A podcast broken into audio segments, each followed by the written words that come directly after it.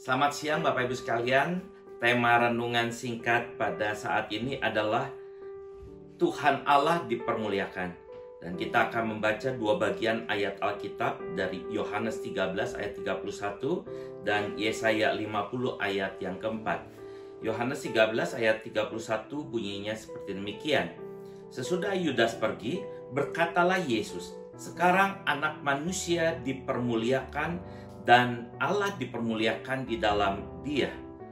Sedangkan Yesaya 50 ayat 4 berbunyi, Tuhan Allah telah memberikan kepadaku lidah seorang murid, supaya dengan perkataan aku dapat memberi semangat baru kepada orang yang letih lesu. Setiap pagi ia mempertajam pendengaranku untuk mendengar seperti seorang murid. Bapak Ibu sekalian, besok kita sudah memasuki tiga hari penting sebelum hari Paskah, yaitu Kamis Putih, Jumat Agung, dan Sabtu Sunyi.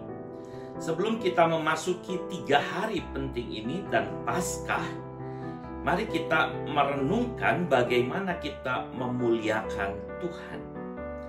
Dalam Yohanes 13 ayat 31 dikatakan Tuhan Allah dipermuliakan di dalam Tuhan Yesus. Artinya Tuhan Allah juga harus dipermuliakan oleh kita juga.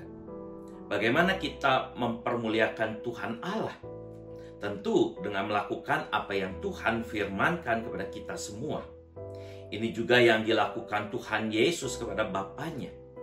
Tuhan Yesus adalah anak yang taat kepada Bapaknya.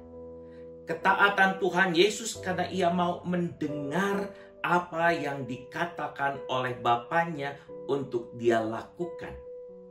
Mendengar seperti seorang murid adalah mendengar dengan penuh perhatian untuk mendapatkan tugas yang harus dikerjakannya. Kita juga harus mendengar firman Tuhan dengan penuh perhatian supaya kita dapat melakukan firman Tuhan itu dalam kehidupan kita sehari-hari. Ketaatan Tuhan Yesus kepada Bapaknya juga ditunjukkan dengan memberikan perkataan-perkataan yang memberi semangat baru kepada mereka yang letih lesu. Tuhan Yesus bisa memberikan perkataan-perkataan yang memberi semangat karena ia mau mendengar dengan penuh perhatian kepada Bapaknya. Bapak Ibu sekalian, meskipun kita tetap di rumah saja dan bekerja dari rumah, bukan berarti kita tidak dapat memberikan perkataan-perkataan yang memberi semangat kepada banyak orang.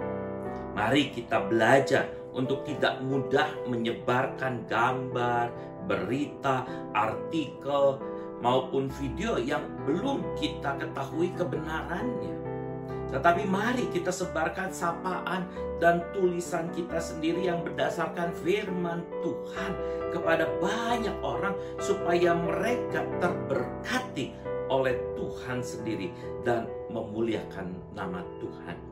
Mari kita dengarkan setiap firman Tuhan yang kita baca melalui Alkitab kita agar kita bisa memberikan semangat yang baru kepada banyak orang.